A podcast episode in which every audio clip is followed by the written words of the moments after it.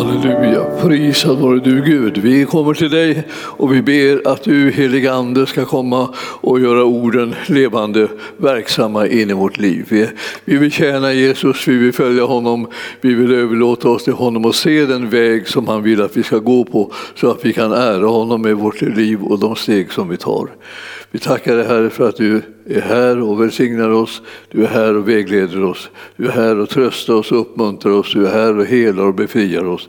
Du är här för att möta alla behoven som vi har, men också ta oss i din tjänst så att vi kan göra din vilja, så att vi kan utbreda ditt rike och välsigna människorna. Vi tackar dig för det Herre och vi ser fram emot din vägledning i Jesu namn. Amen. Tack lovsångare, jättefint. Sådana här Jesussånger, man blir glad av det. Eh, jag, eh, jag ska tala lite grann, tänkte jag, om eh, hela kristenlivet, där på säga. ja, alltihopa tänkte jag tala om. Och för att kunna göra det på något så här, med någon så här riktlinje så att det inte spårar ur åt alla håll och kanter så tänkte jag att vi skulle gå samman gå till Galaterbrevet 5 det här med att, att, leva i det kristna livet, vi vet ju att eh, vi, vi älskar därför att han först har älskat oss. Men vi vet också att eh, det som gör att man vill göra hans vilja, det är, eh, det är ju att man har blivit älskad av honom och sett vad han har gjort för en. Men det är också så här att drivkraften till det som vi kallar kristet liv alltid måste vara kärlek. Så det går liksom inte att försöka manipulera sig fram på något annat vis utan det är så att det måste vara kärlek som är drivkraften till det kristna liv som du ska leva och jag ska leva. Och då, då, är, då är det viktigt det där att, liksom att man kommer ihåg att det är där man, dit man måste gå, till Jesus, för att verkligen möta den källa som älskar en så att man själv blir en person som både kan och vill älska honom tillbaka och människorna som han älskar och har gett sitt liv för. Så att det här är någonting som liksom präglar allt det där som Paulus undervisar om. Han var ju en mästare på att kunna tala om det som var väsentligt och göra det med en sån snärt och tydlighet så att man, man häpnar över honom jämt och man tänker vilket redskap Herren formade honom till. Det blev en verklig välsignelse. Alltså. Och precis som Maria sa, alltså, han talar än. Vem annars har någon möjlighet att tala än? Alltså det är ju liksom ett fåtal personer som har fått vara med om det genom historien. Alltså, man är inte bara liksom någon liten staty någonstans utan, utan man är liksom en, en levande, verksam människa som fortfarande förvandlar och, och påverkar andra människors liv och blir till räddning för dem genom den kunskap om Gud som man har fått genom, när han följde Herren. Han betalade ett pris och eh, han, han talar än, alltså jag, jag är imponerad av den där tanken. Liksom. Och det ju, finns ju också många kvinnor som Jesus mötte som fortsätter att tala genom, genom sitt fantastiska steg och sitt gensvar till honom och den överlåtelse de hade till det som han ville skulle ske här på jorden. Vi är ju Jesu lärjungar. Vi vill vara det. Vi vill att eh, människor ska förstå att vi vill representera honom genom att tala om och berätta hurdan han är och vad han har gjort. Och det här fortsätter vi göra med och därför är vi så glada över att alltså, alla ni som finns på, på nätet och följer med att, eh, att vi får förmånen att liksom dela med oss av erfarenheten av vad Jesus har betytt för oss. Vi vill att många ska få möta honom, vi vill att många ska våga vara vittnen till, till det som eh, han har utfört. Så vi ska läsa från första, eh, första versen helt enkelt, i femte kapitlet. Det uppstår en frihet nämligen. Alltså det, det, här är ju liksom, eh, det här är ett budskap som man, man kan säga i det naturliga bara gillar också. Alltså, till denna frihet har Kristus gjort oss fria, står det i början den där versen. Och det, det, där kan man ju säga att det, vilken, vilken, vilket erbjudande. Alltså Kristus har gjort oss fria. Han har kallat oss in i en frihet som är ett alldeles enastående slag. Stå därför fasta, säger han till oss, och låt inte på nytt, eh, er på, inte på nytt eh, tvingas in under slavoket. Han har varit i fångenskap. Han pratar om lagen, men man kunde också säga att han pratar om synden, han pratar om, ja, han pratar om den här världen där, där, där allting liksom handlar om, om eh, att man ska försöka göra, göra sig stor och stark och bra och duktig och klara alla grejer och så här. En värld liksom full av prestation och eh, överansträngning. Alltså, han har kommit för att göra oss fria. Alltså. Och då, då, är det så här, då, då, tänker man wow, nu får jag göra vad jag vill. Så det, det, fungerar inte så. Det är ungefär samma sak som, som att säga att om han älskar mig så mycket och han ger mig allt vad jag ber om och han möter alla mina behov och så här, då tänker man wow, då får jag, kan jag leva precis som jag vill. Jag, kan, jag har tillgång till allt och så här. Men så det händer någonting annat med en människa som får möta kärlek som är generös och givande. Det är det att man, man blir en sån där. Man börjar förvandlas till det. Man börjar liksom tycka att det man, jag på säga, nästan, jag på säga så här, ja, det finns människor som tycker om att ge kollekt. Alltså, och det, det, så tänkte jag, det finns ju tider då man tycker att det vore ju besynnerligt, det är konstigt. Va? Ge kollekt, det, det måste ju vara en tvångsinstitution på något sätt. För att annars kommer det inte till några kollekter. Nej, så det, det kommer av den samma anledningen till att man har mött den som älskar en så att man inte kan låta bli att vara med och göra sig delaktig i det som är hans verk här på jorden fortsättningsvis. Man vill stötta det som Jesus gör. Det är det vi gör när vi ger kollekt och undrar hur kan vi, hur kan vi göra på det här sättet? Ja, det kan vi. Det, det vill vi. Det ska vi. Det gläder oss att vi får göra det. Alltså, jag, jag, jag, jag har gjort bättring en gång liksom, så definitivt på det där liksom, att då jag inte ville ge kollekt, jag ville bara liksom, göra det här nödvändigaste, det värsta, liksom, själva, själva handlingen som gjorde att ingen skulle kunna säga att jag inte gav något. Men det var också alltihopa. Det handlar bara om liksom skenet. Hur, hur verkade jag? Jag verkade som jag var en givare. Jag var inte det. Men jag såg till att jag inte liksom bara viftade bort eh, kollektboxen när den kom utan jag la min krona, som vi säger. Det var visst accepterad liksom, nivå på givande. Men det var väl så att allting var klart, I, eh, kunde man tänka. Kyrkorna som, eh, jag, kyrkan jag bodde i liksom, och var i så här, bodde i liksom, nästan ordet för jag var där jämt. Men så, den kyrkan hade allting allt liksom vad den behövde, utom frälsta människor kanske, ja, om man vågar säga så. Den hade alltså eh, alla resurserna, hade lokalerna, hade husen, hade eh, liksom pengarna till lönerna och, liksom, och, och, och allting. Alltså, allt fanns och folk fanns, alla gjorde där sitt. Och man, hade, eh, man hade hela verksamheten igång sedan århundraden. Så det fanns liksom ingen riktig anledning att ge så mycket. Och när man inte får ge så, så blir man skadad i sitt inre. Man måste få av det inflöde man har fått av Jesus, få ett utflöde. Annars så, så blir allting förstört. Det är jättemärkligt det här. Det här kan man läsa om här.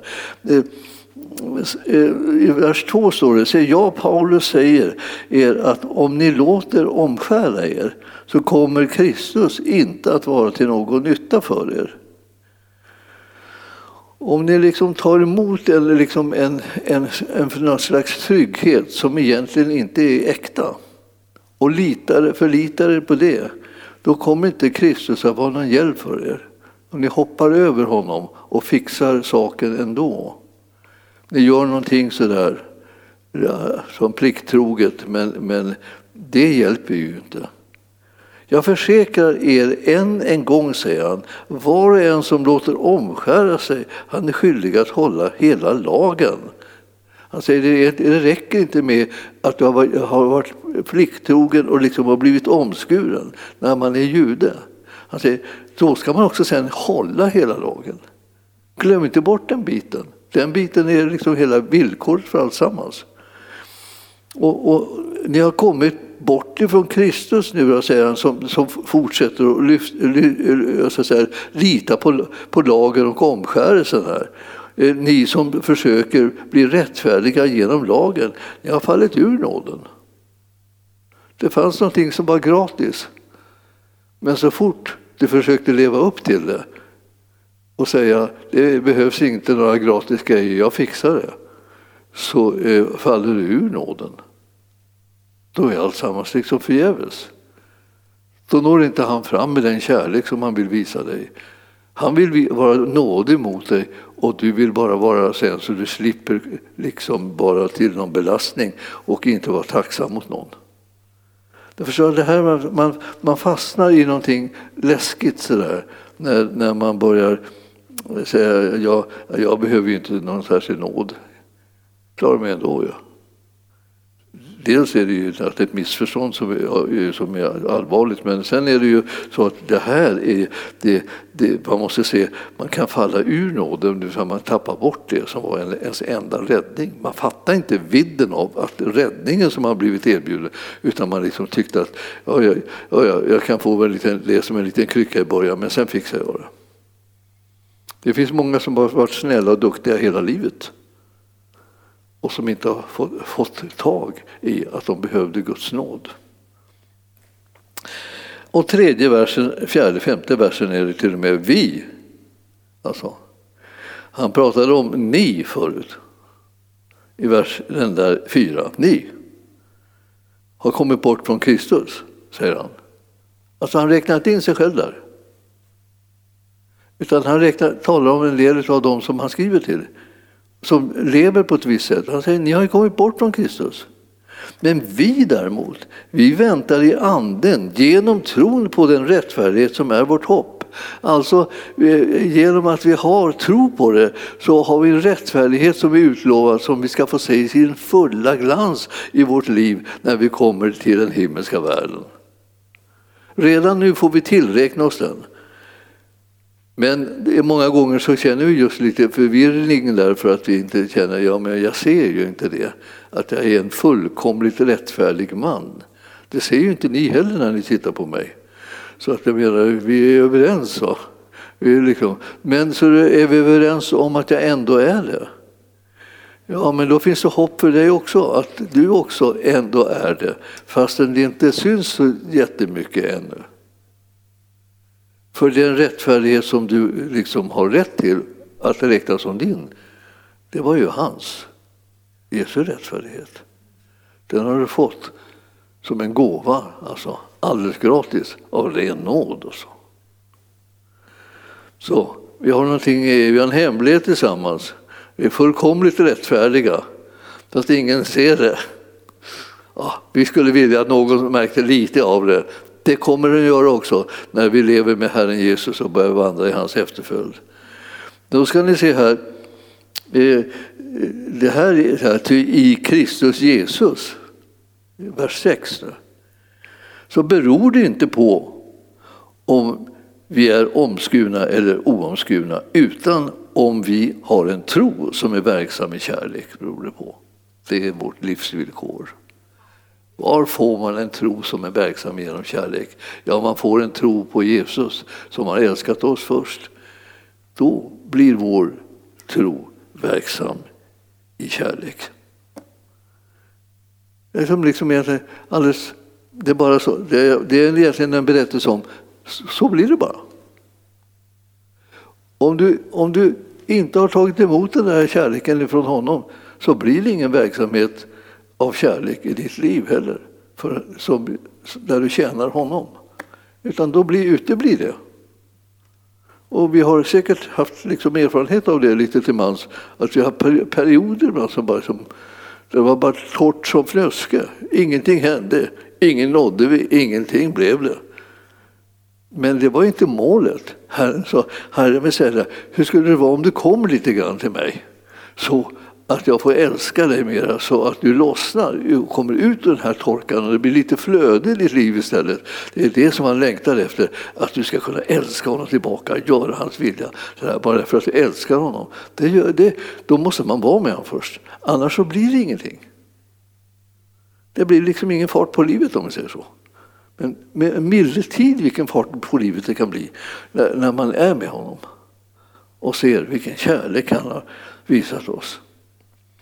Alltså därför säger han så här, alltså det, det, i Kristus Jesus alltså beror det inte på om vi är omskurna eller oomskurna. Det är inte frågan om någon slags lagordning eller någon, någon regel eller så där som vi håller på att prata om. Utan det är frågan om vi har en tro som är verksam i kärlek.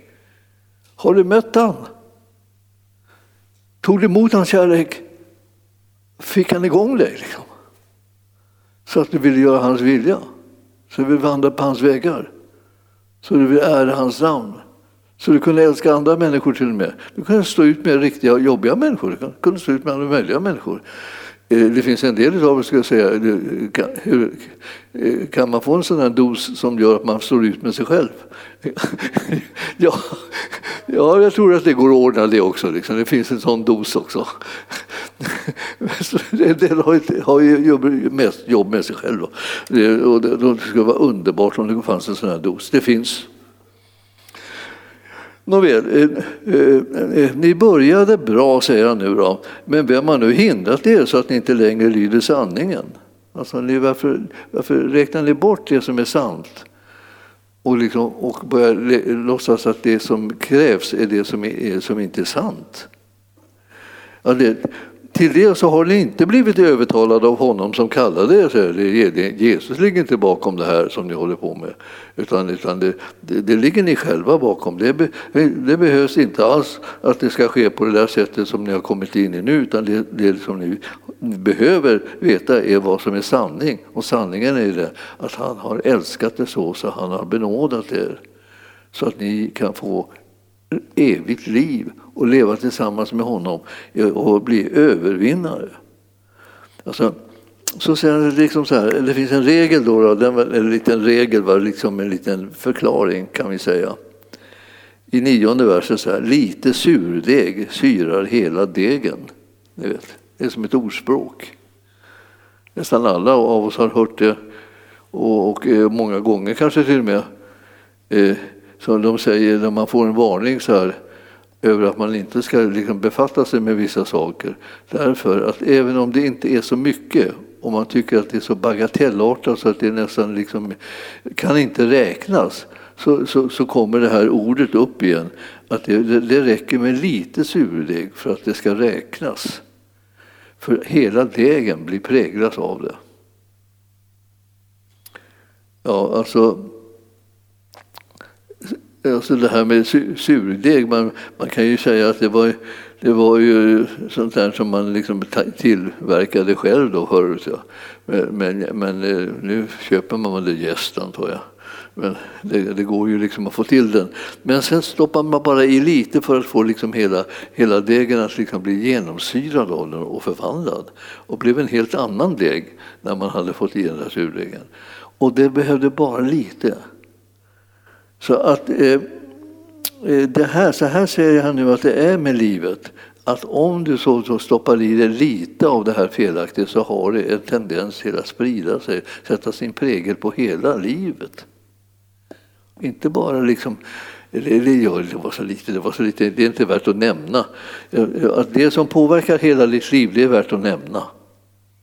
Så därför så, behöver man liksom tänka sig för och tänka så här, jaha, jag ska, ska, ska liksom observera det här lite mera då. Jag för min del litar i Herren på att ni inte ska vara av en annan mening, säger Paulus nu. Då. Jag, nu och det så tycker jag också, kan man säga. Eh, jag, jag, önskar att ni inte ska ha någon annan mening än den här som jag liksom lyfter fram här, som Paulus har. För att, eh, eh, den, men den som skapar förvirring bland er ska få sin dom, vem han än är. Det är så allvarligt så att det här, det här blir att liksom förvirra människor. Det betyder att de kommer bort ifrån den rätta vägen som de ska gå på. Därför att det finns någon eller några som håller på liksom och sår in felaktiga tankar och felaktiga, liksom gör felaktiga saker i relationerna. Och så småningom så, eh, så eh, vågar människor inte gå på den väg som de ska gå på. De blir förvirrade och de blir, de liksom blir bestulna på den rätta vägen. Så eh, bröder, säger han, och ni vet att bröder betyder trossyskon. Ja, om jag fortfarande predikade omskärelse, vilket han inte gör då eftersom han har insett att det, det, omskärelse är inte en sådan eh, regel som behövs, eh, behöver följas. Varför skulle jag då bli förföljd? Då, då vore ju korsets anstöt borta. Alltså. Alltså om han fortsatte att predika omskärelse som om det vore någon form av frälsningsväg så, så ja, då, då, eh, då skulle allt sammans liksom vara förgäves det som han hade gjort. Han, han menar att det här, är, det här är, det är korset som ska vara den anstöten. Att de ser att det livet som vi liksom har levt, eller den synd som vi har levt i och den synd som vi har begått, den måste försonas och syndens lön är döden, så någon måste dö. Och korsets anstöt, alltså det är en väldig anstöt och anklagelse att det skulle behövas att man skulle bli korsfäst för att komma undan det här. Men det kan man ju bara liksom få bort synden genom om man vore utan synd. Det vill säga om man vore en som kunde försona någon annans synd. Men någon sån finns ju inte här på jorden. Så det var bara en som kunde komma och han kom från himlen och tog vår synd och dog för den. Så det där var, liksom, var väldigt kraft, eh, kraftigt, alltså det här hur han liksom säger så här, jag vill att korsets anstöt ska fortsätta att finnas där. Jag vill inte att den ska tas bort på något sätt. För det här är precis det som har hänt. Alltså att det var nödvändigt att någon dog i vårt ställe. Därför det liv som vi hade levt, levt och, och kanske ibland lever, det, det resulterar i döden om man inte blir försonad med Gud och straffet blir utmätt på någon annan. Och straffet var utmätt på Jesus. Och därför de som försöker föra människor vilse, han säger så här, de som uppviglar er, säger han, eh, de borde eh, gå och stympa sig. Alltså han syftar på det här med eh, omskärelsen. Om de tror att liksom man blir frälst genom omskärelse då får de kanske för säkerhets skull skära bort lite mer. Då. Så, kan det, så att de har god marginal. Om det här ska nu bitar verkligen och det ska bli, en, det ska bli liksom någon, någon resultat av det. Så för säkerhets skull, eh, skär bort alltihop. Sådär eh, har, har varit formulerat ibland eh, i bibelöversättningar. Nu har man blivit en aning försiktig. Det går och stympa sig. Man, man antydde inte riktigt vad det gällde men det var ju kraftfullt kan man säga. Och nu då är vi framme i trettonde versen. Ni är kallade till frihet mina bröder och systrar alltså. Använd bara inte friheten så att den onda naturen får något tillfälle utan tjäna varandra i kärlek. Alltså vi kallar det till frihet. Den friheten som vi har fått är att vi kan tjäna varandra i kärlek. Det är den slags friheten. Inte den där själviska möjligheten utan friheten att kunna tjäna varandra i kärlek. Hela lagen är uppfylld av detta enda bud. Du ska älska din nästa som dig själv. Men om ni biter och sliter i varandra, se då till att ni inte blir uppsluk, att ni inte uppslukade av varandra. Och det där är nu, så då, då, har han talat om nu liksom läget alltså i det. Så. Och sen ska, ska vi titta på de här två sakerna som, som gör anspråk på att dominera våra liv. Antingen är det köttet eller så är det anden. Och det här, det här är ju så, man, man kan känna igen det. Det, är alltså, det här är inte min mening att det här ska bli en mix. Köttet och anden. Man är lite köttslig och man är lite andlig. Och så här. Ibland lite mer kötslig än andlig, ibland är man eh, jätteandlig men i, och bara en aning lite kötslighet.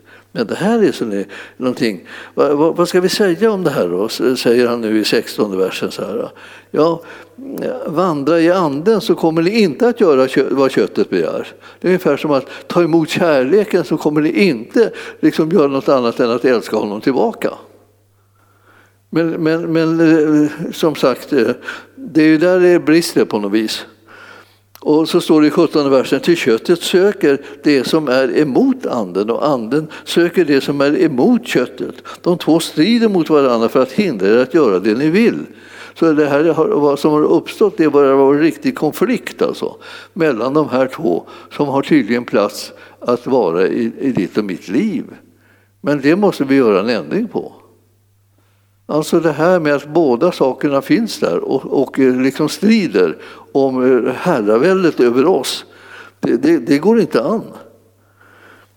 Och då börjar, för, för att tackla det här då, så kommer, som, så, så kommer eh, eh, Paulus vidare in när han säger så här. Att då, men om ni leds av anden så står ni inte under lagen. Alltså ni måste veta hur ska jag kunna veta liksom, vilka friheter, vilken möjlighet jag har att kunna hålla undan köttet och lag, lagiskheten och sånt där. Hur ska det kunna gå till? Alltså? Ja, jo, köttets gärningar är ju uppenbara. Det vill säga, nu ska du få skaffa dig en insikt om vad som är köttets gärning. Om du vet vad som är köttets gärning så vet du vad du ska låta bli. Du ska inte ge det här något utrymme. Och så räknar han upp då köttets gärningar. Det här är ju inte, ingen rolig läsning vad kan man säga. Eh, det är, en, det är en massa saker. Men vi vet ju självklart att det här är köttets gärningar redan. Alltså. Vad är de för någonting? Då? De, är, de köttets gärningar är uppenbara, står det i 19 versen. De är otukt, orenhet, lösaktighet. De är avgudadyrkan, svartkonst eller häxeri eller trolldom och sånt där. Fiendskap, kiv, avund, vredesutbrott, gräl, splittringar och villoläror, illvilja, fylleri och utsvävningar och annat sådant. Jag säger er i förväg vad jag redan har sagt. De som lever så ska inte ärva Guds rike. Vad då är det som de inte får ärva? Ja, de kommer inte att kunna vara med och, och bli delaktiga i Guds rikes uppbyggnad här på jorden. Har de blivit frälsta genom tron på Jesus och födda på nytt så är, så är de bara av nåd liksom, liksom, sådana som får komma in i himlen också bara på nåd. Det är inte någon gärning, där. Men delaktighet i Gudsriket här på jorden.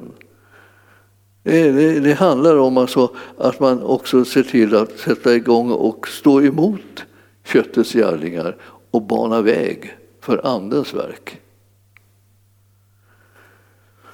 Och det här är det som man får lust att göra. Alltså jag menar, vem vill hålla på med det här, alltså som står här, som vi läser nu? Då? Det, det, är ju, det är ju bara en livsstil som vi absolut inte vill ha. Det är inte så jättekonstigt då. Det är möjligen vissa, vissa liksom speciella frestelser som ibland en del av oss har inom olika områden. Alltså eh, att de liksom eh, blir, liksom dras till Eh, kanske eh, dryckenskap eller man, man, man dras till liksom, eh, otukt och orenhet liksom, på det viset.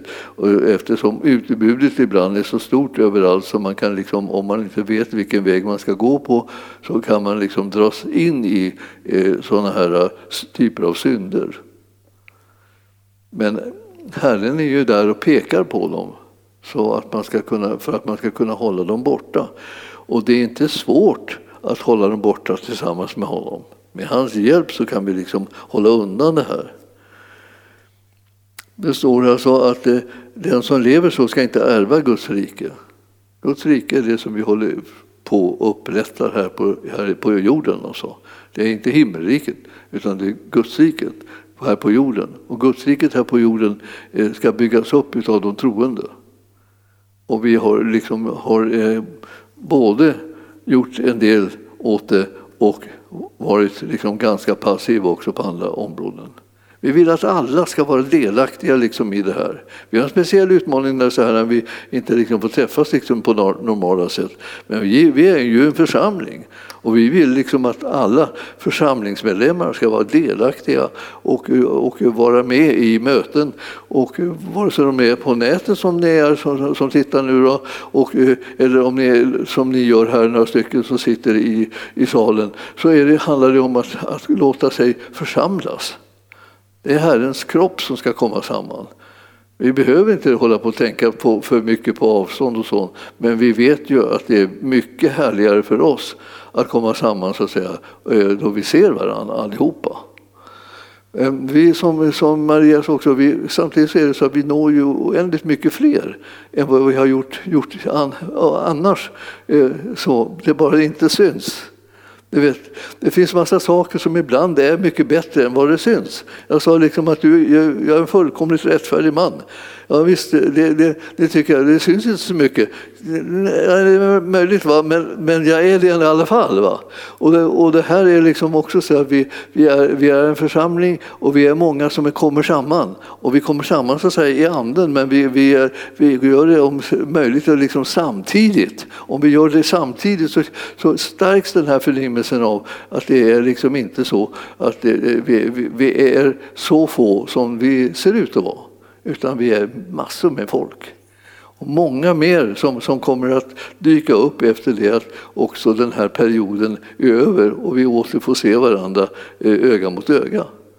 Och vi har fått mängder med distansmedlemmar som vi gläder oss jättemycket åt också. Att det har kommit in folk som var på olika håll men som har sökt liksom att vara, vara med här då, i, i, i de, den eh, församling som vi har här. Och så, så även om vi då inte ser varandra så är de ju delaktiga. Vi tog ju upp en hel del av dem här, här om söndagen nu. Då. Och eh, det, det, kommer att komma flera. Så det, här är, det här är liksom också liksom en, en expansion. Och expansionen kommer liksom ta sig uttryck i att vi kommer att vara, ha, ha hemgrupper som vi, som vi aldrig har mött. Eh, så, men, men så småningom när vi får frihet så kan det hända att en del passar på att komma till olika konferenser som vi har och så får vi se varandra och, och träffas. Det ser vi fram emot. Men ni vet att det här, det här att man har någonting som ett, en sann, sann sak och verklighet eh, i det osynliga är liksom en speciell utmaning. Men, men vi, vi, vi tror på det och vi, vi står fast vid det här. Så därför kan man säga också det här, alltså, hur är det med livsstilen? Ibland får vi liksom tro mera på den, att eh, liksom, eh, eh, viljan finns där och, eh, liksom, och möjligheterna finns där, men vi har inte riktigt kommit till skott i det så att det har börjat ta form. Så att det påverkar omgivningen, så att de märker att det har hänt någonting med oss. Så att vi, de ser att vi känner honom som är, är Herre och har all makt i himlen och på jorden. Det blir ju naturligtvis en chock om de märker att vi har sådana kontakter. Men det har vi ju. Så Eh, jag säger i förväg, som jag eh, eh, redan har sagt, alltså, att om man låter de här negativa kötsliga krafterna vara, vara dominerande i vårt liv så kommer det inte bli någon bidrag från vår sida till att bygga upp Guds rike. Men Andens frukt däremot, det är en helt annan sak. Det är det där som vi längtar efter att ge utrymme för och ber om att det ska få plats i vårt liv. Och det här kommer av att vi möter honom som har burit all den här frukten och som älskar oss gränslöst och vill ge allt det här goda till oss. Så nu från vers 22 där så, så står det upp, uppräknat de delarna. Och det här, nu var det 15 stycken köttets gärningar eh, och sen är det då bara nio stycken eh, andens frukter. Hur ska det gå? Så mycket köttens gärningar och så, och så är det färre andens frukter. Ja, det kommer gå bra. Det behövs inte mycket för att vi ska kunna vara precis, eh, fast i positiv bemärkelse, som gästen som läggs in i degen. Det behövs bara ytterst lite så saboterar vi hela projektet som ondskan håller på med. Han som är med oss, han är, alltså, han är större än den som är i världen. Han som står på vår sida har mera makt och mera kraft än någon, någonting av den kraft som finns i, i mörkret. Vi, kan stå, han sa, vi får uppmaningen bara att stå honom emot så kommer han att fly bort ifrån er. Man tänker, hur ska, kan det gå till? Ja, men ja, ja, men ja. Ja, just du. Har du inte hört vem du är? Det, man måste ju läsa på vem man är, annars blir man, blir man bara vad man tror. Det vill säga, så lite sorgligt. Men om negativt tror jag en liten, en liten sån här person som inte kan göra någon skillnad tror man att man är. Men inte tillsammans med Jesus. Då är man mer än en övervinnare. Det är sanningen om oss. Alltså. Andens frukt, står i vers 22, är kärlek, glädje, frid, tålamod, vänlighet, godhet, trohet, mildhet och självbehärskning. Ni förstår vilka, vilka, vilka, vilket liv vi kallar att leva. Och så står det lite, lite lustigt så här, sådant är lagen inte emot. Man behöver inte hålla lagen för att det här ska bli verklighet, utan man behöver bara ta emot kärleken från Herren för att det här ska lossna. De som tillhör Kristus Jesus har korsfäst sitt kött med dess lidelser och begär. Det är också ibland en väldigt nyttig tanke som vi skulle kunna ha så här. När man känner att frestelserna och attackerna från mörkret är intensiva, då behöver man bekänna sig till att man faktiskt har blivit korsfäst, liksom allt det kötsliga och alla lidelserna, alla begären som har tidigare funnits i ens, i ens liv. De har blivit korsfästa med Jesus Kristus och kommer alltså inte att kunna styra och leda oss i, i livet. Om vi har liv genom anden, låt oss då även följa anden, säger han.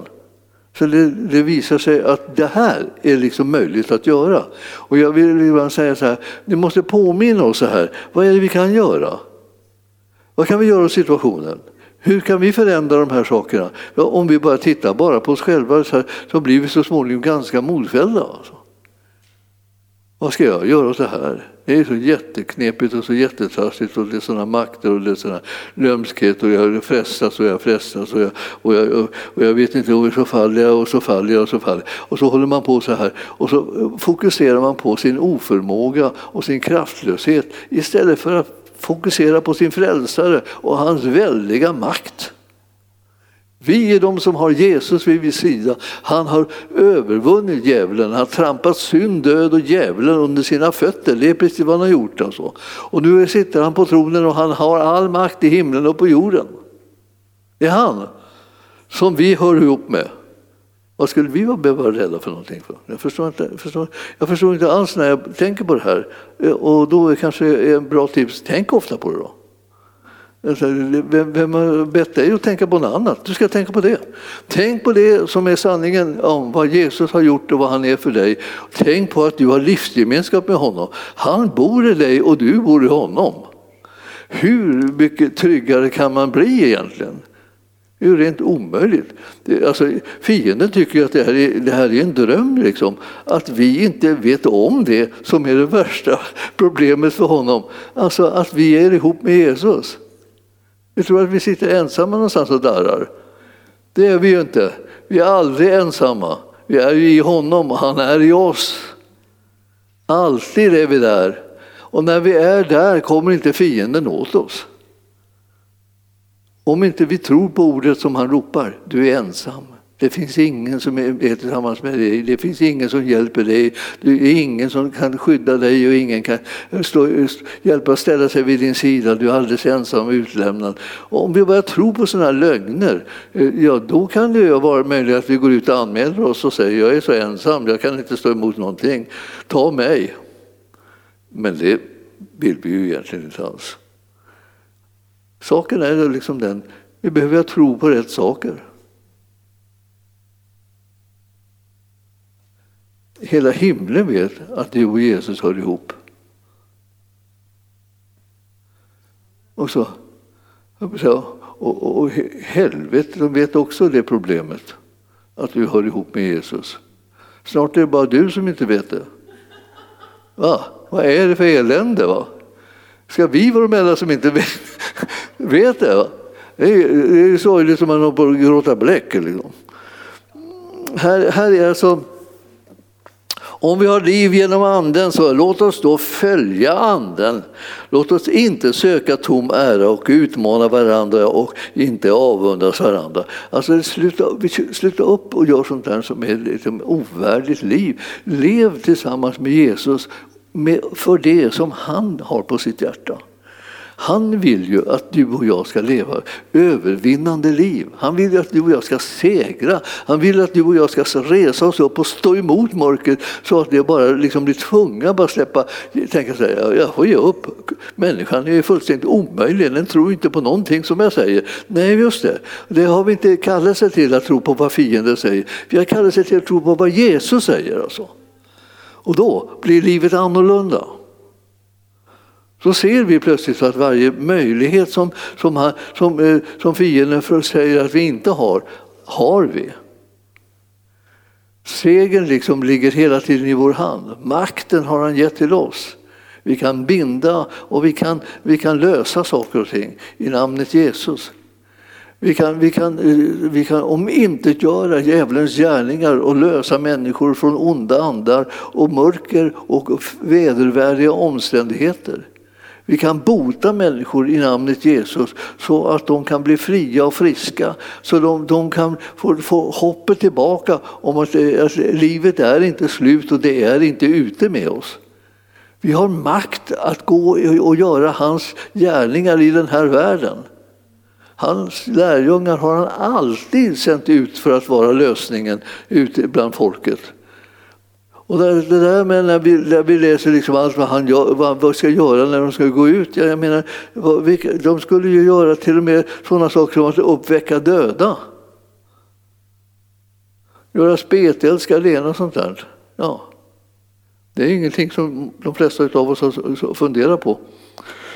Men, men jag menar att vi behöver ju veta liksom att det finns ingen gräns för vad vi kan åstadkomma på hans uppdrag. Så fort han sänder oss, så fort han vill använda oss så är det frågan om att göra det i, med hans kraft. Inte liksom bara i egen begränsning. Det där är så, eh, vi är så intresserade av, vår brist och våra, våra eh, liksom gropar och våra omöjligheter så att vi får, får, kommer inte i, rörelse in i hans vilja bara för att vi tittar på fel sak. Sluta! Titta istället på vad Jesus har gett och banat väg för i ditt och mitt liv. Vi är ju, vi är ju liksom en, den segrande gruppen i den här världen. Vi är ju de som kan göra gott fastän fienden håller på att göra ont. Vi är de som kan se till att det, det onda som han gör upphör. Vi kan hejda det, vi kan, vi kan stanna hela, hela hans eh, planer och maskineri liksom om att bryta ner människor och förstöra deras liv och ge dem, ge dem, föda dem bara med hopplöshet. Så kan vi komma med hopp. Vi kan komma med tro, vi kan komma med kraft så att det kan bli en ändring. Det här, vi skäms inte för evangelium. Det är en Guds kraft till frälsning för var och en som tror. Eller hur? Jag menar, det är, det är så vi tror. Och jag, jag, jag, jag fattar inte ibland, så säga, vad, vad är det med mig? Tänker jag, nu, måste jag byta, nu byter jag tankar igen. Då bryter jag bara, river ut de här eh, små futtiga tankarna och som, eh, som bara rymmer massa problem och sånt. Och så sätter jag igång och tänker Guds tankar istället. Det är fullt med Guds tankar här. Alltså. Tänk vilket liv som han vill att vi ska leva. Va? Ja, när man, man tänker här, man, jag tänker man, annars får det. Ja, han, han, han tycker att vi ska vara, vara, vara fyllda med kärlek. Vi ska vara fyllda med glädje, vi ska vara fyllda med frid och vi ska vara fyllda med tålamod och vänlighet och godhet. Och trohet och mildhet och självbehärskning. Vi ska vara fyllda med sånt.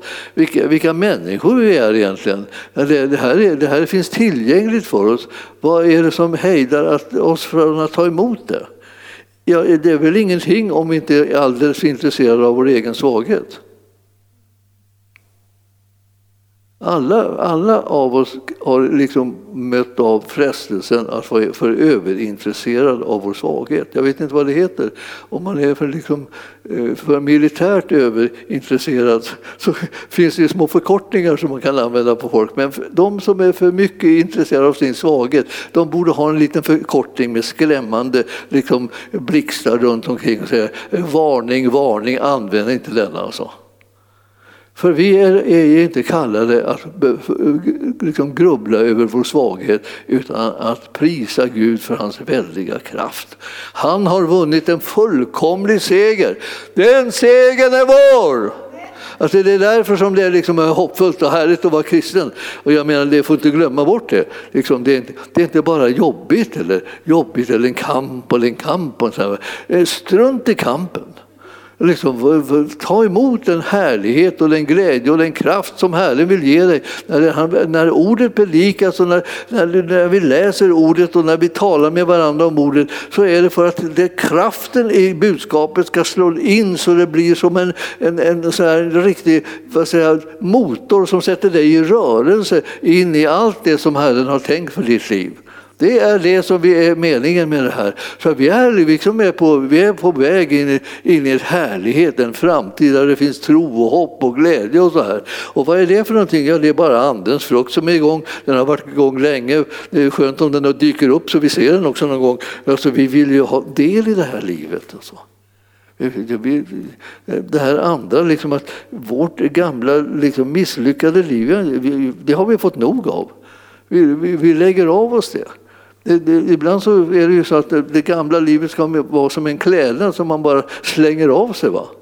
Så river man av sig den här rocken och så slänger man den all världens väg. Och så går man därifrån eh, liksom, eh, liksom frisk och fri och glad och, och utan massa belastningar.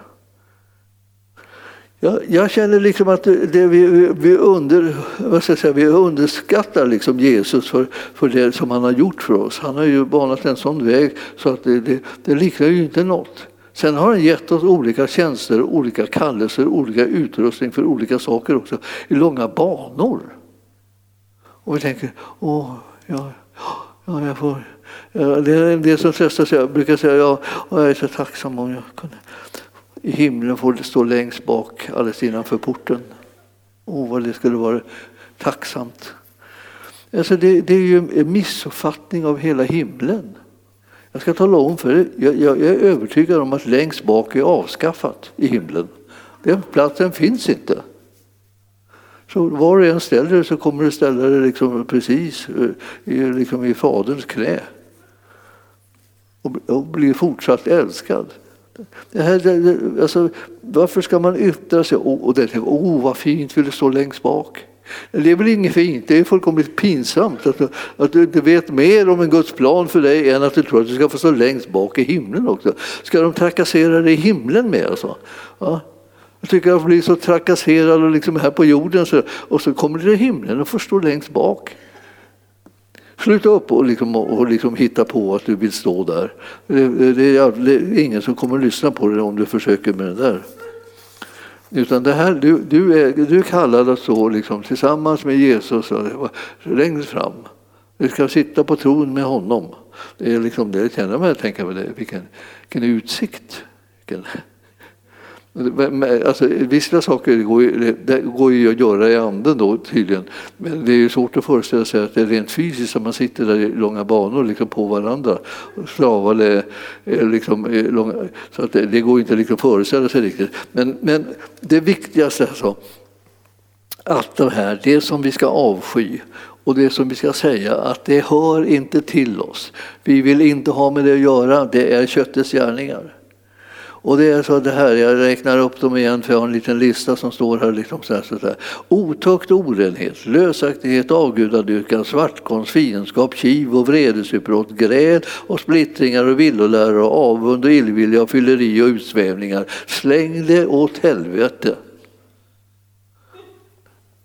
Så är det, där hör det hemma. Vad hör, vad hör hemma med oss då som ska, ha till himlen? Där är det kärlek och glädje och frid, tålamod, vänlighet, godhet, trohet, mildhet och självbehärskning. Och då är det där en del kvaliteter som du kanske inte har stött på i livet. kan man säga. Man kan säga en del liksom skulle önska att de hade lite mer självbehärskning och, och, och andra liksom att de var lite mildare. Och så. Men de har inte kommit dit än. De hittar inte mildheten i liksom bagaget. Liksom. Och det, men ni förstår, vi, om vi letar efter de här sakerna och förväntar oss fantastiska gåvor så ett det så dyker det upp en sån här eh, resurs eh, som du har fast du inte har tänkt på det förut och inte har kommit att använda det. Och så kan du börja pröva på om inte det går också, och det går. Alltså dragkampen mellan köttet gärningar och andens frukt eh, ska du bara bestämma dig för att det är anden som vinner och köttet tar du avstånd från och står emot och då kommer det inte ur fläcken. Alltså. Men du ska, du ska liksom tänka på dig själv. Jag är en person som står emot så in i Norden så att eh, eh mörkret kommer inte ur fläcken. Jag, jag lärde mig lite grann av det där när jag var liten. Jag, jag hade, jag var, min mamma sa att jag var envis, hon, och du är så envis. ja, visst. Jag stod en gång så här på andra våningen så här vid trappen och eh, så sa min mamma, nu går du och gör som jag säger, sa, sa hon då. Och jag sa nej. Du gör som jag säger, sa mamma. Och jag sa nej, jag knöt mina händer, jag blev allt mer liksom som svajande, liksom men motsägande. Och till slut, så plötsligt så, så, så, så svimmade jag. Och vaknade eh, nedanför trappen. Jag rasade ner genom trappen. Liksom. Mamma höll ju på att få chock. Liksom. Jag tog i så eh, oerhört med att säga nej så att jag, det, bara, det bara svartnade, svartnade. Jag tänkte, det där ska jag använda mot djävulen. Tänkte jag. Alltså, det, det är bra att ta ett beslut i sitt inre. Liksom. Vissa saker kommer man inte öppna för. Man tar inte emot det, man låter det inte ske. Alltså. Och då, då bestämmer man sig för det här, det här säger jag nej till. Och, eh, och jag, har, jag har lärt mig att modifiera det så jag går inte på att säga nej till människor hela tiden liksom, och eh, liksom verkar, verkar liksom som en motfalsk kärring eller vad det kan heta för någonting. Något är det sån här man bestämmer. Men utan jag, jag försökte liksom, och liksom träna upp lite mildhet och sånt där istället. Men jag har kvar den där förmågan, vet jag. Alltså, alltså ett till tre så kan den resa sig liksom, och då, då är det stopp. Och eh, jag tänker det, ja, använder jag den mot mörker så är, är det ju en tillgång. Eh, och eh, använder jag den tillsammans med Jesus så får, blir det en framgång. Eh, och jag vill ju att det ska bli en framgång, så tillsammans med honom kan jag visa att står vi mot mörkret så det dånar om det och det måste fly bort från oss. Du har precis samma möjligheter. Man kan träna upp det. Man, behöver, man, ska inte träna på folk som, inte vill, som vill en väl, så man, utan man, ska, man kan ju lämpligen träna då på något, någonting som, man är, som är värt och viktigt att man står emot. Det är viktigt för oss att hålla undan mörkret och köttet och andra sådana här gärningar som har med mörkret att göra. Så vi, vi tränar oss på att säga nej i Jesu namn. Och himmelske Fader så ber vi att du låter oss få syn på den kärlek som du har till oss. Så att vi verkligen längtar efter att gå in på den här vägen och, och, och bli fyllda utav Andens frukter. Så att vi kan bära de frukterna och förhärliga ditt namn genom att vi följer dig och gör det som är möjligt tillsammans med dig. Vi vet att du har alla möjligheter och vi vet att vi har också fått dem därför att du har vunnit dem för vår räkning. Så vi tackar dig Herre för att vi ska få tjäna dig och förhärliga ditt namn, att vi ska få få lyfta upp det över alla andra namn och vi ska få se hur fienden fullständigt kapsejsar och alla hans planer går om intet. Han får smaka på hur det känns och det hoppas jag han ska göra till fullo så att inte en enda plan som han har tänkt ut i sin ondska kommer att kunna fullbordas. Vi prisar dig Herre för det och vi bara lovar dig för att du har vunnit en fullkomlig seger på Golgata och din är makten i evigheternas evigheter. Amen. Tack ska ni ha.